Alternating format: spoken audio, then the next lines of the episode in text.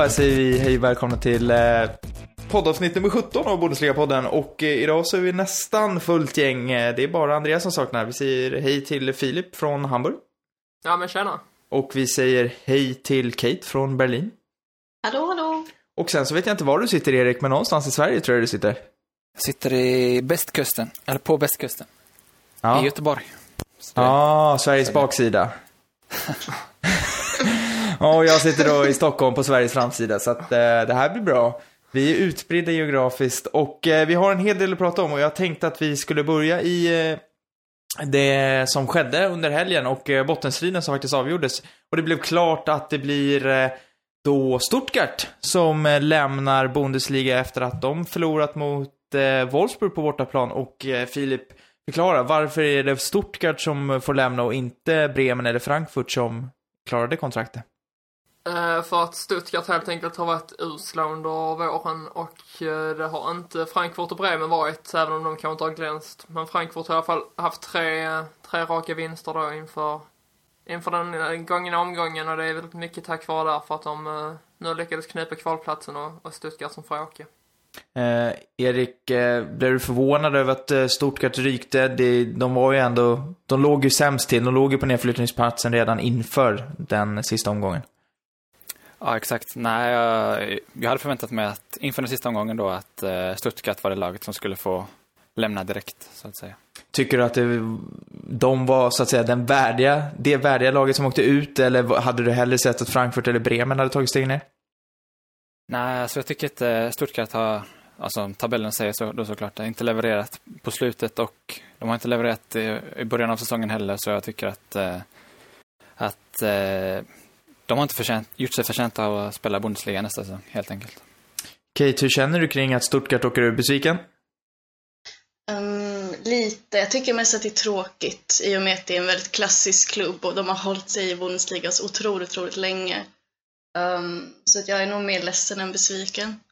Eh, Det är ju trots allt 41 år sedan eh, de åkte ur Bundesliga senast. Eh, som sagt, Filip, du var lite inne på det, men vad kan du se för liksom, tydliga saker som har gjort att Stuttgart ändå hamnat i den här situationen? De var ju länge långt ifrån bottenstriden och sen så avslutade de med nio matcher utan seger. Två poäng tror jag på de sista nio matcherna. Ja, alltså det har ju varit ett par säsonger innan detta som de måste ha varit inblandade i bottenstriden. Men jag känner väl inför denna säsong att man hade någonting på gång. Och, men det, har liksom, det fungerar inte och man gjorde så med tränaren. Och sen helt plötsligt fick man en nytändning i början på detta året och det, och det såg ju länge bra ut. Men sen har man helt enkelt dalat under våren. Det har inte alls fungerat, spelet har inte funnits där. Alltså, det känns som att spelarna hade gett upp långt innan. Och och, och nu liksom mot slutet har man bara rasat i tabellen samtidigt så som många andra av bottenlagen har vaknat till liv då. Frankfurt och, och Hoffenheim och till viss del Bremen. Så, så ja, nu är det istället att man får möta den hårda kalla sanningen och, och ta steget ner till, till Schweiz. Erik, vad tror du om eh, Stuttgarts framtid nu i Zweite Bundesliga? De har gjort sig av med tränaren Jürgen Kramny blir neddegraderad till eh, andra laget som för övrigt också åkte ur sin liga, tredje divisionen och även presidenten har lämnat klubben och det verkar ändå som att sportchefen Robin Doth också kommer få lämna klubben. Eh, vad ser du för framtid för Stuttgart? Mm, jag skulle säga att den är oklar. Alltså den är, det kan gå att han blev, jag tror att du skrev en text på Fotbollskanalen som jag tyckte var bra att eh, du skrev eh, att det är många lag som fastnar i Zweite Bundesliga-träsket eller vad man ska kalla det. Att, att det inte är hur lätt som helst att studsa upp direkt som man kanske förväntar sig av Stuttgart som är en klassisk klubb i tysk fotboll så de kan mycket väl bli fastare ett par år och, och om de väl fastnar ett par år då kan det då, om, det, om de inte hittar luckan upp direkt så kan de bli fast där i, liksom i många år framöver. Vad skulle du säga är viktigt för Stuttgart just nu att göra för att eh, ge sig själva bästa förutsättningar för att kunna studsa upp direkt?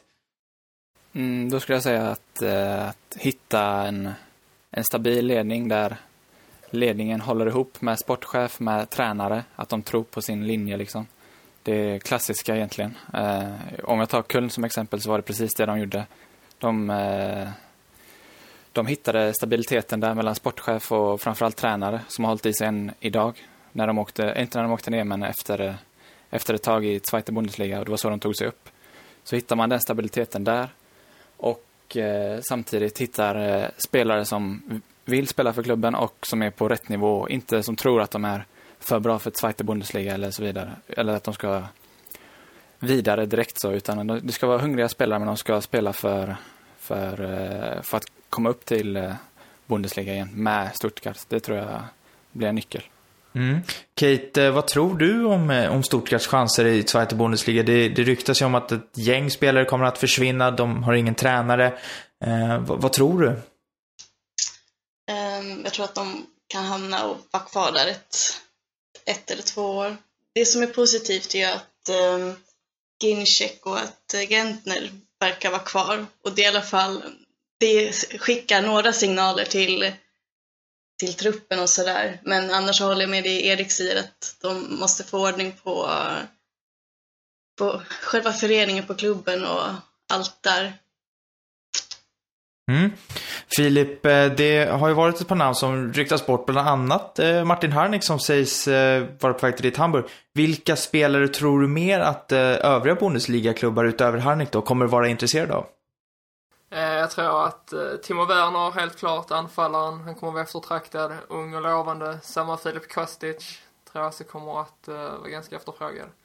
Ska jag säga, jag tycker det är ganska kul nu att jag, jag känner så att om det är någonting klubben ska satsa på nu så är det unga spelare.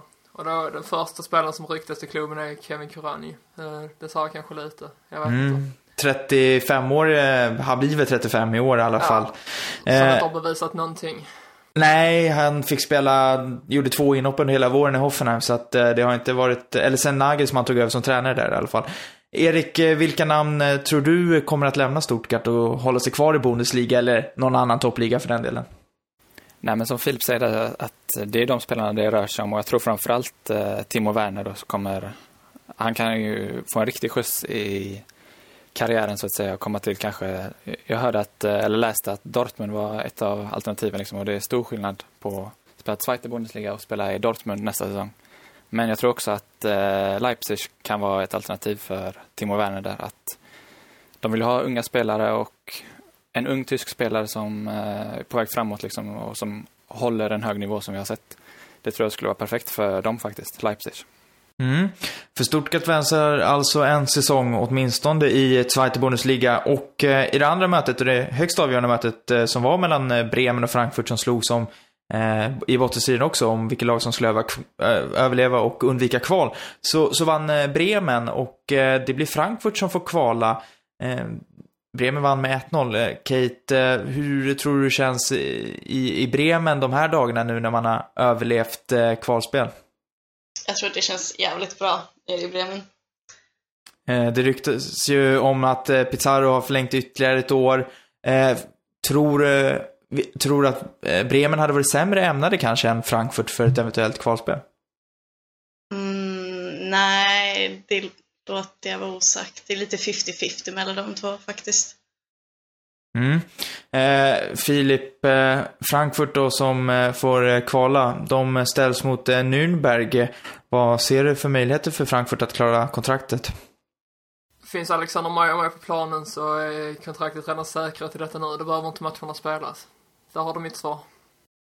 Eh, är det en fördel där, Erik, att komma så att säga från Zweite Bundesliga, ha vind i ryggen, som Nürnberg ändå haft, sluta trea? Eh, eller tror du att det ändå är så att eh, det är högre klass i, i, i Bundesliga och att Frankfurt har en fördel av det? Mm, nej, men jag tror som du sa där först att eh, jag tror att Nürnberg har en...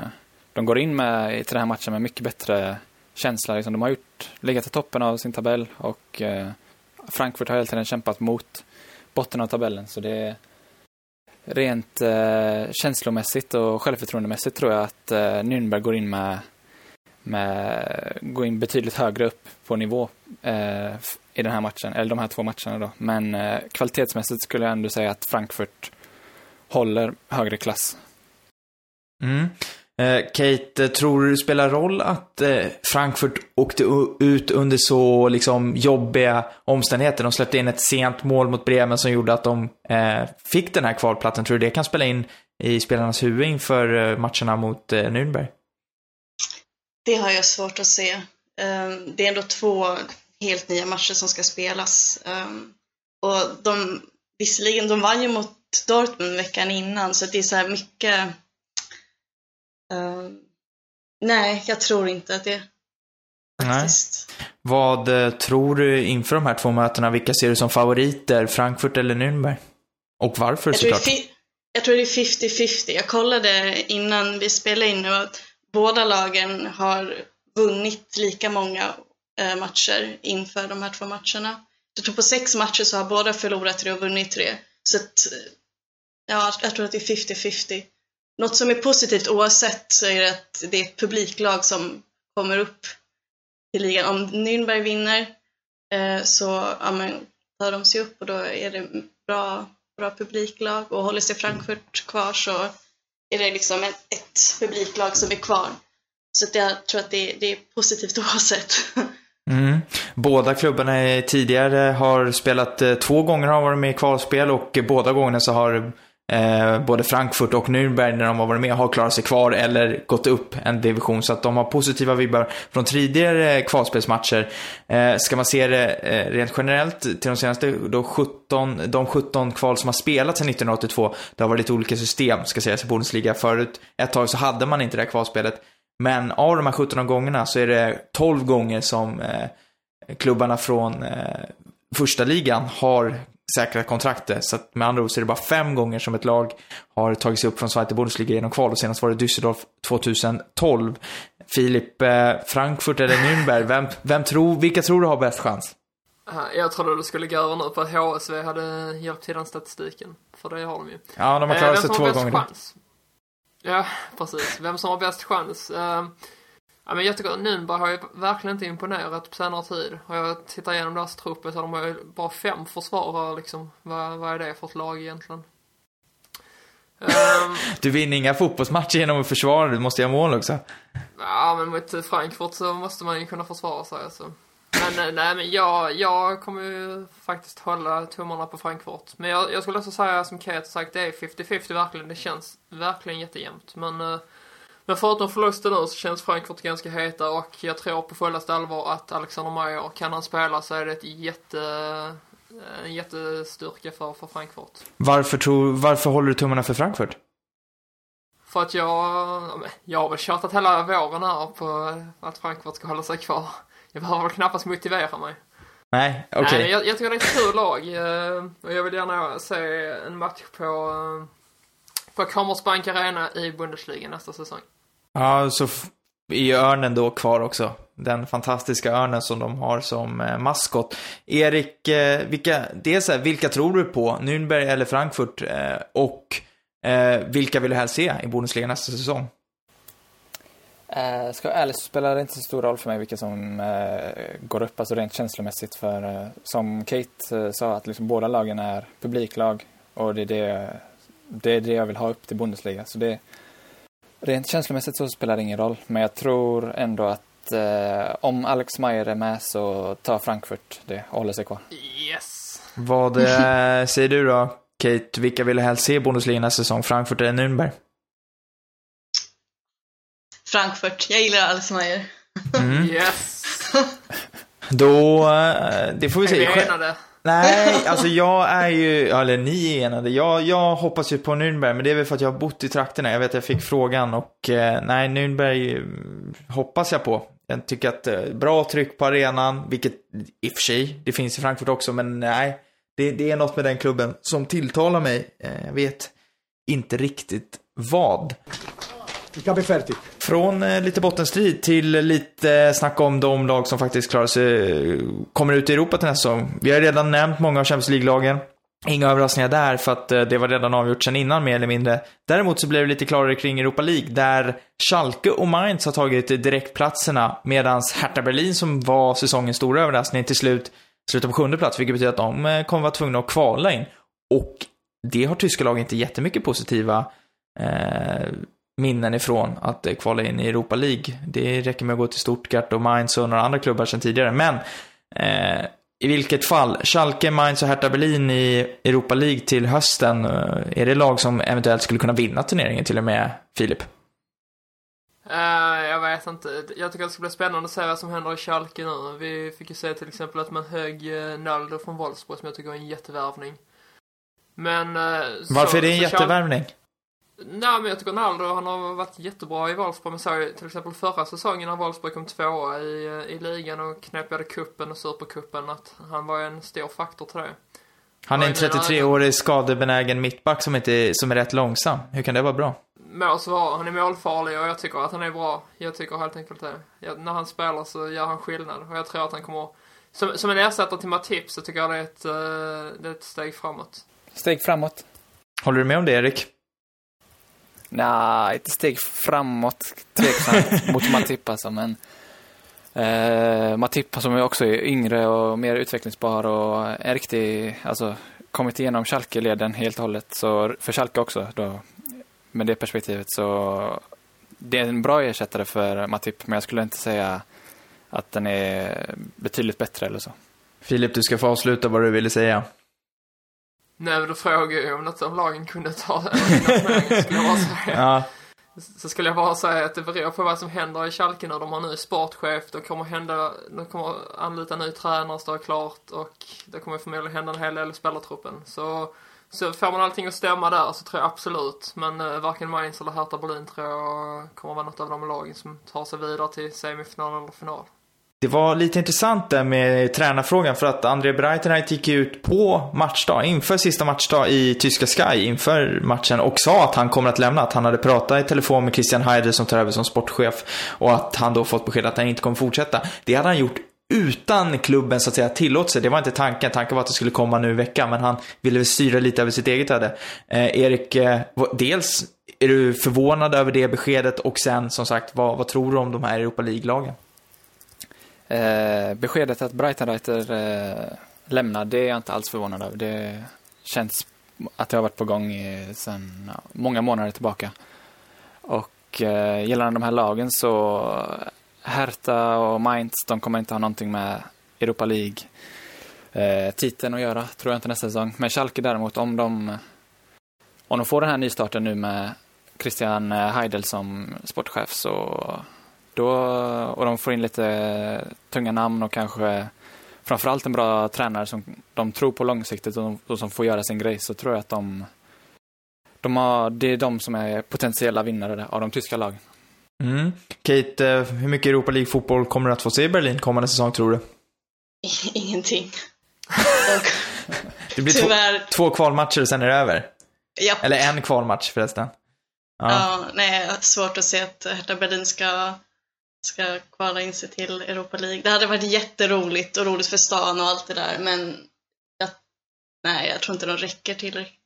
Så sjukt nära det var Champions League och sen så nu Ja. kommer de inte ens ta sig till, till Europa League. Nej, de gjorde ju en Stuttgart fast med fördelen att de inte var oroliga för att åka ur. De hade ju en otroligt Ja. dålig form på slutet. Men eh, Kate, vad tror du om Mainz och Schalkes chanser i Europa League då? Mainz ehm, har nog inga chanser alls och Schalke har fördelen i att de har erfarenhet av um, Europaspel. Men jag har svårt att se att de ska vinna turneringen. Det är lite magstarkt att säga det. Varför Men- säger du att eh, Mainz inte har några chanser alls? Nej men det nej, jag har lite svårt att se det. Det är, Ja, det är liksom på vin, vinst, vinst och förlust, Mm. det där. Nej, Eh, Vem eh, tror du kommer att hamna i Schalke som tränare nu när Breitenreiter då har lämnat? Har du något? Har- nej, jag har ingen namn alls. Alltså det är så sjukt svårt att säga om för oavsett vem det är som åker dit så får den sparken efter några veckor eller månader. Det är, det är ett lotteri det där. Ja, det är så många Schalke-fans på Twitter har skrivit också faktiskt, när jag har läst det. Ryktas ju om Augsburgs Marcus Weinzierl, eh, Filip. Vore det en, ett bra namn? Eh, ja, men det tycker jag abs- absolut. Uh, Augsburg har väl haft en, en ganska så, så trist säsong i år, men eh, han har bevisat tidigare vad han kan göra med ett lag. Eh, Så jag tror antingen Weinzierl eller så, så finns det en viss Favre som har fallit i glömska lite nu på senare tid, som jag tror skulle kunna hamna där. Mm. Vem eh, tror du tar över i Schalke till kommande säsong, Erik? Och vem skulle du själv helst vilja se i den rollen? Mm, jag hoppas att Schalke får, eller att uh, Schalke och Heidel får första valet som de är ute efter. Liksom att, och de är inte ute efter något eh, otänkbart namn, liksom. ingen Mourinho eller så, det är inte det de vill ha, utan eh, som, som du sa där, Weinzierl och, eh, och Favre, någon av de två skulle Men vad- se i Schalke. Mourinho i Schalke, vore inte det Nej, alltså- råcoolt? Vad sa du? Vore inte Mourinho i Schalke råcoolt? Jo, absolut, absolut. Men det är, inte, det, är inte, det är inte det de är ute efter. Det är inte det de tror att de kommer få högst på listan. Så de försöker, tror jag inte, med det. Utan eh, de försöker på tänkbara namn. Liksom. Jag tror inte Mourinho skulle vara så taggad på ett Europa League-Schalke-lag och dessutom ja, med pengamässigt och allt sånt där. Men det hade såklart varit coolt. Sicken jävla bomb det hade varit. Nej. Ja, det går ju inte att säga någonting annat. Schalke dundrade in Mourinho. Ja, eh, som Erik säger, det är ju inte troligt, men det hade varit väldigt roligt. Eh, Och ni hörde det här först. Exakt. Eh, nej men det blir, vi, som sagt, vi kommer ha gott om tid att prata om Schalke, för det kommer nog ske rätt mycket där som sagt. Eh, vi, de har ju börjat starkt med att ta in Naldo det första de gjorde. Eh, så att eh, det blir intressant att se, men Europa League-chanserna är väl inte lika höga, känns det som, som de var inför den här säsongen med, med Dortmund och eh, Schalke och eh, ytterligare något lag som jag har glömt bort. Vilka var det? Vilka var det? Augsburg. Augsburg. Le Ja, Leverkusen kom från Champions League också, ja. Just det. Ja, just det. Just det. Eh, Augsburg som för övrigt lätt glöms bort när man pratade om Liverpools vinstradda mot Europa League-finalen.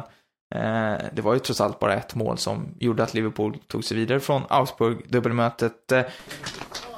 Fertig.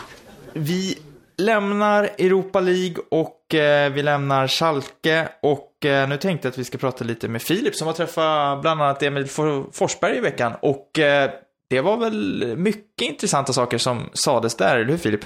Um, ja, men det var det ju. Bara det att få komma till, till Red Bull Leipzig då var ju, var ju ganska anmärkningsvärt. Det kändes som att det är en klubb som försöker skydda sig själva från, uh, från all uppståndelse. Man kunde till exempel inte ens ta sig upp till arenan utan det var avspärrat långt innan man var i närheten. Jag, jag trodde du skulle berätta om hur, hur jäkla jobbigt det var för dig att ta dig dit med bussresor och väntan och... Nej, Eh. det är lugnt. Det är en timmas resande för 20 minuters intervju. Det är så vi lever, frilansarna. Men eh, berätta, Emil Forsberg, vad sa han? Vad, vad fick du med dig som eh, var intressant inför, ja, dels från säsongen med Leipzig och deras planer, men kanske också vad han själv tänker kring kommande EM och så? Uh, nej, men vi, uh, vi pratade då ganska mycket om Leipzig som klubb. Och han, jag frågade honom om han om han hade någon, om han själv var kritisk till själva klubben men han uh, valde ju som väntat då liksom att, att avstyra det hela. Så att folk får ha de åsikter de vill utan han är lycklig där, han får spela fotboll och, och klubben, att det är en bra klubb liksom. Eh, men, men han berättade att klubbens visioner är nu på kort sikt att etablera sig i Bundesliga och redan till nästa säsong så är målet att, att knipa en sjätte, sjunde plats vilket innebär Europaspel och det kan jag tycka var lite anmärkningsvärt. Men tack för vad vi pratade om förra veckan. Ja, det får man väl ändå säga. Eh, sjätte, sjunde plats för eh, RB Leipzig till kommande säsong, Erik. Eh, Erik, känns det rimligt överhuvudtaget? Eh, det beror på helt vad som händer i sommar där. Alltså, får de verkligen eh, spendera så mycket pengar som de säger att de ska göra och att de läggs på liksom, bra spelare så är det inte omöjligt för man ser ju jämt i Bundesliga-tabellen liksom. Så, så klart de kan hamna där om de, om de får det att stämma. Mm, Kate, vad tror du om eh, RB Leipzig och deras kommande säsong i Bundesliga? Tror du, som Emil, att det är Europa League-plats som hägrar? Ja, varför inte? Det hade varit lite spännande. Röra om lite i Bundesliga. Mm. Filip, eh, men eh, vilka spelare ska man då liksom kunna värva in för att nå den här sjätte, sjunde platsen? Och, tror du liksom, jag menar som sagt, du säger själv, det är anmärkningsvärt, det, det är ju någonting, det är ju ett, det är ett kaxigt uttalande liksom. Ja, jag var inte, alltså vi pratade, vi inledde intervjun med att prata om EM och sånt här och han är väldigt ödmjuk och, och, och så här och sen då när vi kommer över till Lifeshift helt plötsligt svänger han om och, och börjar istället liksom, ja men börjar prata framgångar och, och vara lite kaxig helt enkelt. Men eh, vilka spelare, jag försökte ju fråga då om det fanns någon specifik som man ville se i laget. Men han sa det att det kommer, att det kommer värvas många unga, hungriga spelare som, eh, som vill till klubben och som tror på deras projekt och så här. Och jag tror väl, alltså för, först och främst en målvakt kommer ju plockas in. Och där tror jag att det blir antingen Siler eller eh, Horn då från, från Köln. Det beror lite på, lite på vad, om Horn väljer att gå till, till Liverpool eller till, till Leipzig. Hon eh, Ja. verkar ju inte ett dugg intresserad av att gå till Leipzig, som jag har förstått det. Nej, Men det vet man aldrig hur det går sen. Lägger de fram ett, ett eh, tjockt kontrakt till honom så tror jag nog att han skulle kunna skriva på det. Mm. Tror du att eh, Forsberg själv löper risken att eh, bli bänknötare till kommande säsong för att han får en tuff konkurrens på sin position?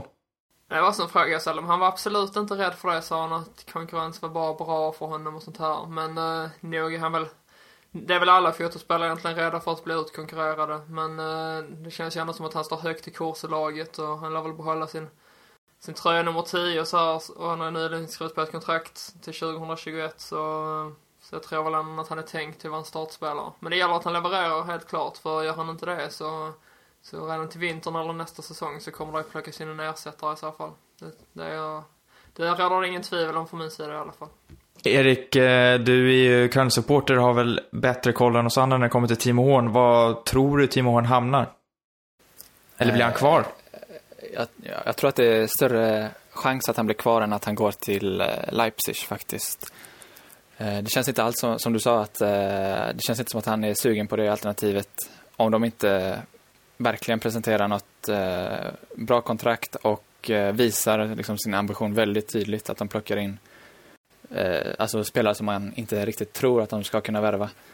Och att, varför han vill ju till ett bättre lag om han får välja. Liksom, han hade Leverkusen, eller inte Leverkusen då, med Köln.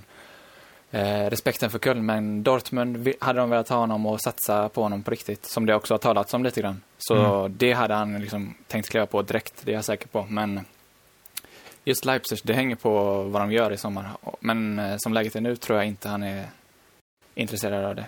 Nej, känslan var ju att han ville antingen spela ute i Europa, om inte det sker, då stannar han i kön. Liksom. Att han antingen då går utomlands till en klubb med stora ambitioner, eller en klubb som redan eh, spelar i Europa League eller Champions League. Eh, och det verkar inte finnas ett sånt intresse just nu kring Horn. Eh, Liverpool sägs ju, sades ju idag enligt Kicker att det är Loris Karius från Mainz som ser ut att hamna där. Men vi släpper den diskussionen och då pratar lite om Emil. Emil Forsberg har ju varit Eh, Svante Zweite Bundesligas bästa spelare om jag inte är helt ute och cyklar enligt Kicker sett till deras betygssättning. Och jag var inne på det med Filip lite.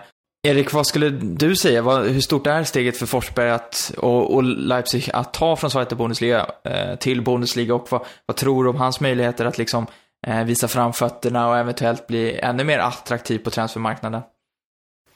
Eh, nej, men med tanke om vi kollar på laget som helhet så tror jag att eh, de har goda chanser att eh, lyckas liksom, med och, att steget inte ska bli för stort om de dessutom plockar in spelare som borde spela på kanske övre halvan av li ligan liksom, ett sånt lag. Och för just Emil Forsberg så, ja, han har gjort, alltså det han har presterat hittills så talar ingenting för att han skulle vara för dålig för Bundesliga eller så vidare. Bara för han lyckas i landslaget, han lyckas i Zweite Bundesliga och eh, så så sätt det finns ingenting som tyder på att han skulle vara för dålig för att spela i första divisionen heller. Nej. Filip, eh, är det någonting mer från Forsberg som, som, som du vill nämna och ta upp? Um, nej, vi snackade lite om EM. Han, han sa att målet är att de ska ta sig vidare från gruppen. Och, och tror man Hamren där så är den chansen minimal.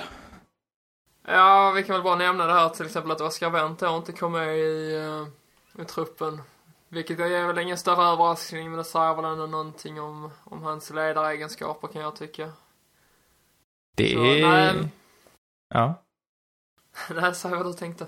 Nej, det är, nej, det är absolut, du är fri. Jag, jag säger ingenting om Ham, Hamren eh, så. Jag, jag tror vi alla var rätt medvetna om att Wendt inte skulle dyka upp i truppen och jag tycker väl någonstans att det, det även om jag kan tycka att Wendt kvalitetsmässigt håller för landslaget, eller det gör han, det är inget snack om, eh, så tyckte jag det var väldigt, det skrev ju, det är förståeligt. Alltså det är inte, det är väldigt få förbundskaptener som gör stora förändringar inför ett stort mästerskap sett till den trupp de har använt i kvalet. Så att det, det känns ju inte konstigt, men det blir spännande att se när Jan Andersson kommer in, för då lär ju Oscar Wendt få, få fler chanser.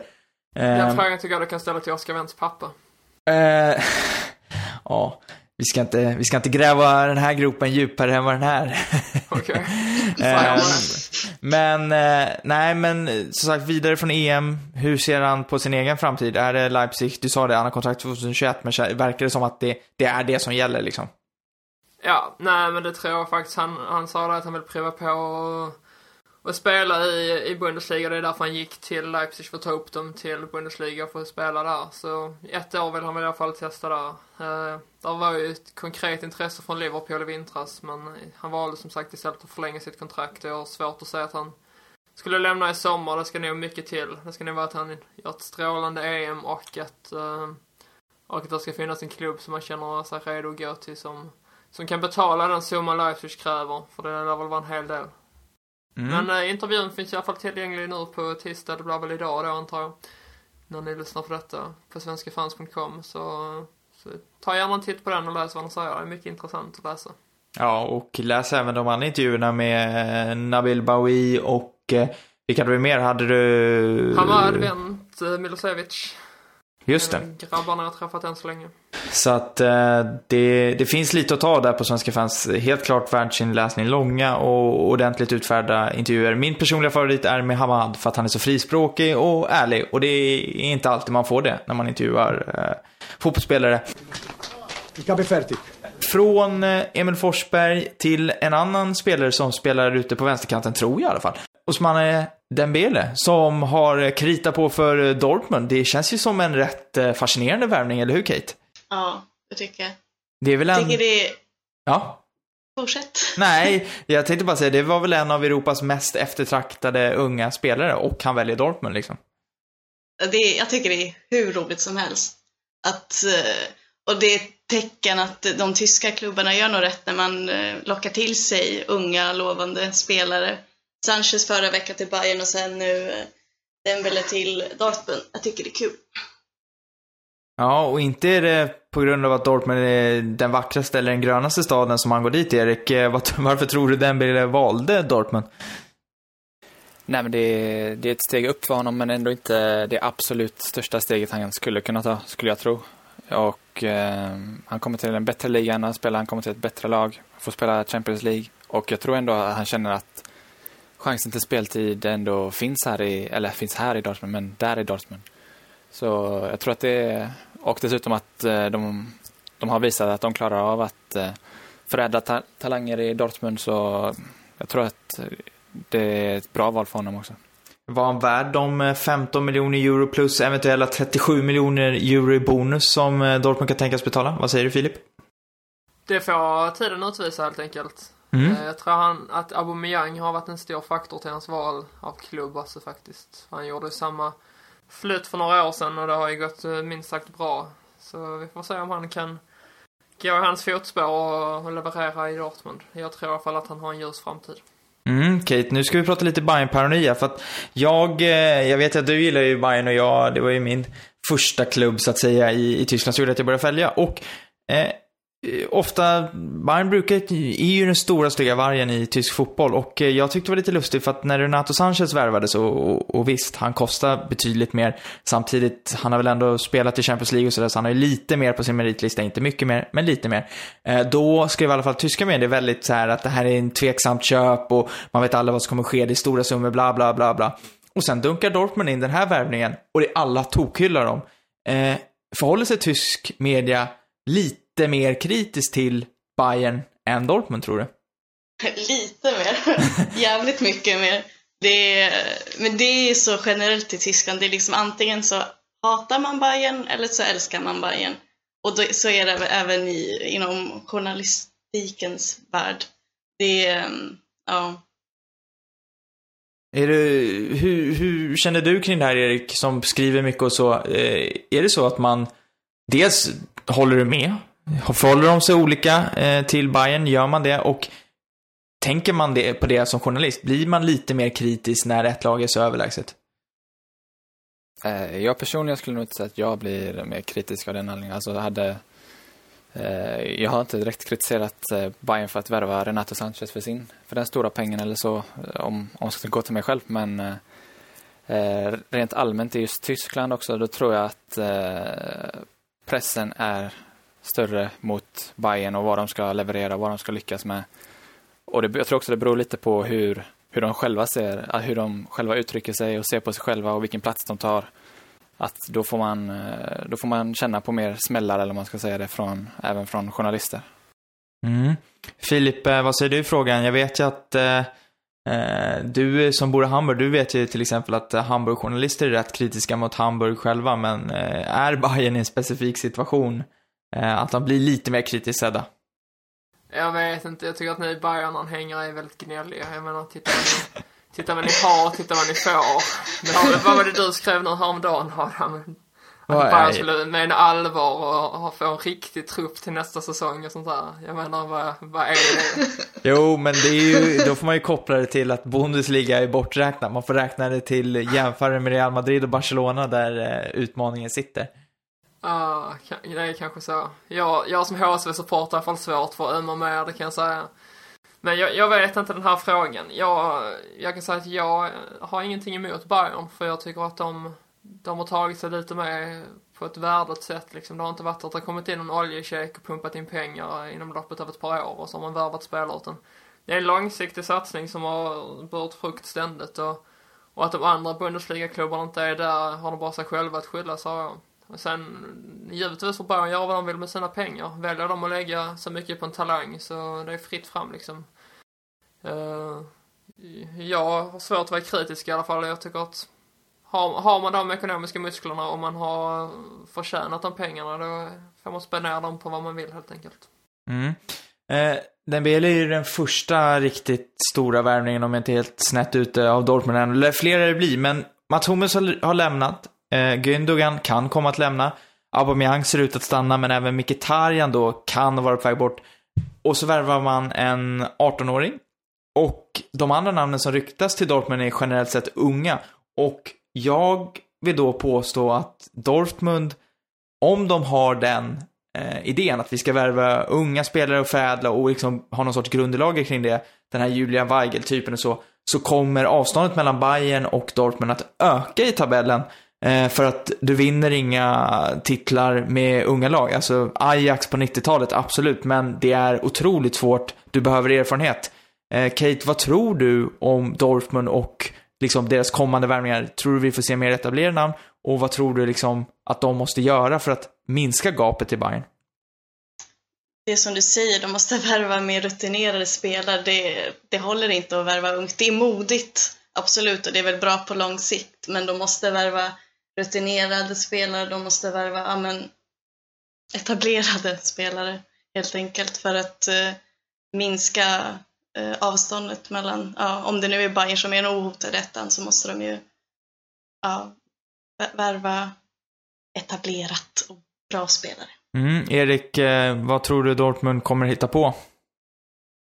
Eh, jag vet inte riktigt vad jag tror faktiskt. Jag hoppas att de eh, kommer, eh, som ni har sagt, värva lite mer etablerat också. För det, du kan inte eh, bygga ditt lag på så unga spelare då, som du sa, kommer avståndet upp till eh, FC Bayern att eh, bara öka och öka. Så, för de värvar ju både sina talanger och sina världsspelare. Om du bara värvar dina talanger så då kommer du inte komma ikapp helt enkelt på lång sikt. Visst, du kan ha några spelare i laget som är supertalanger, men du kan inte bygga ditt lag kring det skulle jag, det är i alla fall vad jag tror. Eh, så om de, om de är kloka, liksom, det är klart att de är kloka med det de gör, så tror jag att de kommer eh, försöka hitta något eh, mer etablerat. Till exempel till ersättare till Gündogan om de plockar in det och så, såklart om de tappar Mkhitaryan också då och inte lyckas hitta något motsvarande, kanske till och med ännu bättre om de skulle lyckas med det på något sätt. Så ja, det, det blir helt enkelt svårt att nå ikapp Bayern på enbart eh, på att satsa på talanger, som ni har sagt. Jag håller med. Mm. Vilket är eh, ett, eh, skulle du säga, är ett drömnamn till Dortmund som dessutom är rimligt, Filip? Oj, ehm, ja först och främst nu så måste man ju försöka hitta en ersättare till, till Hummels. Och min personliga favorit som jag hade velat se där, det är ju Mustafi då i Valencia. Ni snackade här om unga spelare och rutinerade här. Jag vet inte riktigt var man ska dra den gränsen. För en sån som Mustafi, han är ju 24 bast, men det känns ju ändå som att han har en stor erfarenhet både från landslag och klubblagsnivå. Um, men som Mustafi till exempel skulle jag kunna tänka mig, det, det är en bra värvning för Dortmund helt klart. Eller Toprak i Leverkusen, 26 bast. Uh, lite helt levererad kanske men uh, han har ju så liksom många år kvar samtidigt som man har rutin. Så där tror jag väl att, att huvudfokus ska ligga. Sen Sen, sen, alltså de har ju en bra trupp som det är redan nu. Det handlar helt enkelt om vilka spelare som lämnar och vilka man då ska ersätta med. Sen kan man givetvis spetsa till det också. Men sen som Dembele, det är ju det är en spelare som förmodligen kommer att växa in i laget redan nu till kommande säsong och, och bara bli bättre och bättre med tiden, helt klart. Kate, eh, vad ser du för eh, drömvärvning till Dortmund som dessutom känns rimlig? Jag var inne på de som Filip nämnde faktiskt, Toprak och... Mustafa, ja men Filip han har ju koll på läget så det kanske är det som gäller. Eh, Erik, vilka namn skulle du vilja se i Dortmund till kommande säsong? Uh, det är svårt att komma på något annat nu när man bara tänker på Mustafi och Toprak. Men, uh, men som sagt, alltså, de måste ha in något i backlinjen där som kan, ställa, eller kan uh, ersätta Hummels. Det är det som är prioritet nummer ett skulle jag säga. Och sen så hänger det ju på vad de tappar i övrigt. det blir väldigt intressant att följa i alla fall. Det, för jag tror att det kommer hända grejer i Dortmund i sommar. Ingen Mario Götze? Mm, vad menar du med ingen? Att han inte kommer? Äh, nej, inget. Du tror, vad tror du? Aha. Uh, jag tror faktiskt att han, att det är närmare än många Dortmund-fans hoppas. Det, jag tror att, Eh, jag tror mycket väl att om man får välja till exempel mellan Liverpool och Dortmund, om det skulle vara ett sånt, så eh, ligger Dortmund eh, minst på samma nivå som Liverpool där hos honom, skulle jag tro att om han om han inte hade gjort den här dumma bytet eller vad man ska säga. Alltså, jag tror han vill stanna i Tyskland helt enkelt. Och eh, Dortmund som är den näst bästa klubben i Tyskland, det är, eh, sen så är det såklart infekterat och det känner han till såklart och det är nog, skulle jag bara gissa så är det det han tvekar på. För jag tror att Dortmund, ledningen, sportsliga ledningen där, skulle tacka ja till Götze i sommar. Mm. Alltså det är inte mycket annat att välja på känns det som för hans del. Det är liksom just nu Liverpool eller Dortmund. Och grejen är att inte vill han bli kvar i Tyskland, då är det ju Dortmund som gäller. För jag tror inte att han kommer få någon vidare speltid i, i Bayern även fast att Ancelotti tar över nu. Det sägs att han har, har, har liksom sagt till Götze då att han är fri och söker sig efter en ny klubb för att han inte kan bli garanterad någon speltid. Så det skulle bli väldigt spännande att se var han hamnar. Jag personligen tror faktiskt att han flyttar till Liverpool, men jag hoppas att han går till Dortmund för det vore ju så sjukt häftigt. Kate, eh, du får sista ordet eh, kring Mario Götze. Vad tror du? Dortmund, blir han kvar i Bayern? Blir han, hamnar han utomlands? Vad säger magkänslan? Mm, jag tror att han drar till Dortmund. Jag hoppas nästan det. Det låter helt sjukt, men jag hoppas det. Det hade varit otroligt roligt att se vad som händer. Mm. Faktiskt. Eh, Absolut, det håller jag faktiskt eh, med om. Eh, det kan bli både krig och kärlek på samma gång eh, på Westfalenstadion om Dortmund kliver in med Mario Götze i elvan och, och så. Innan vi avslutar den 17 Bundesliga-podden så kör vi en sedvanlig koll på var ni kan hitta oss på sociala medier. Vi kan väl börja med Kate. Mig hittar man på Twitter under Västerlund Kate. Mm. Erik? Eh, Malmqvist understreck E på Twitter. Filip? Eh, på Twitter, ett eh, Alexander mellanslag Mayo. Nej, jag ska men eh, det är volym med noll istället för O. Men vi håller en tumme för Stuttgart, eller för Stuttgart, för Frankfurt. Det går bra nu. Håll en tumme för Stuttgart. Men vi kan hålla en tumme för att Stuttgart uh, reser sig och inte blir ett nytt Paderborn. Att de mm. blir ett Freiburg istället. Uh, ja, Absolut. Eh, mig hittar ni på Twitter också, på snabla Nilsson.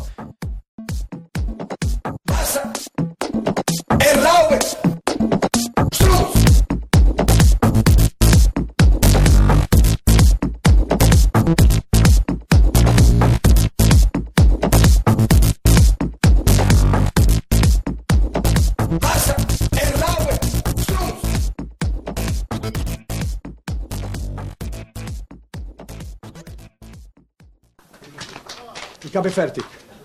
Kan vi inte avsluta podden med att eh, prata med lite, Sydens? Nej, eh, men prata med Jung eh, Lee som spelade i Berlin eh, som eh, Kate och Filip var på. Väldigt bra sydkoreansk eh, cello. Bra uttal.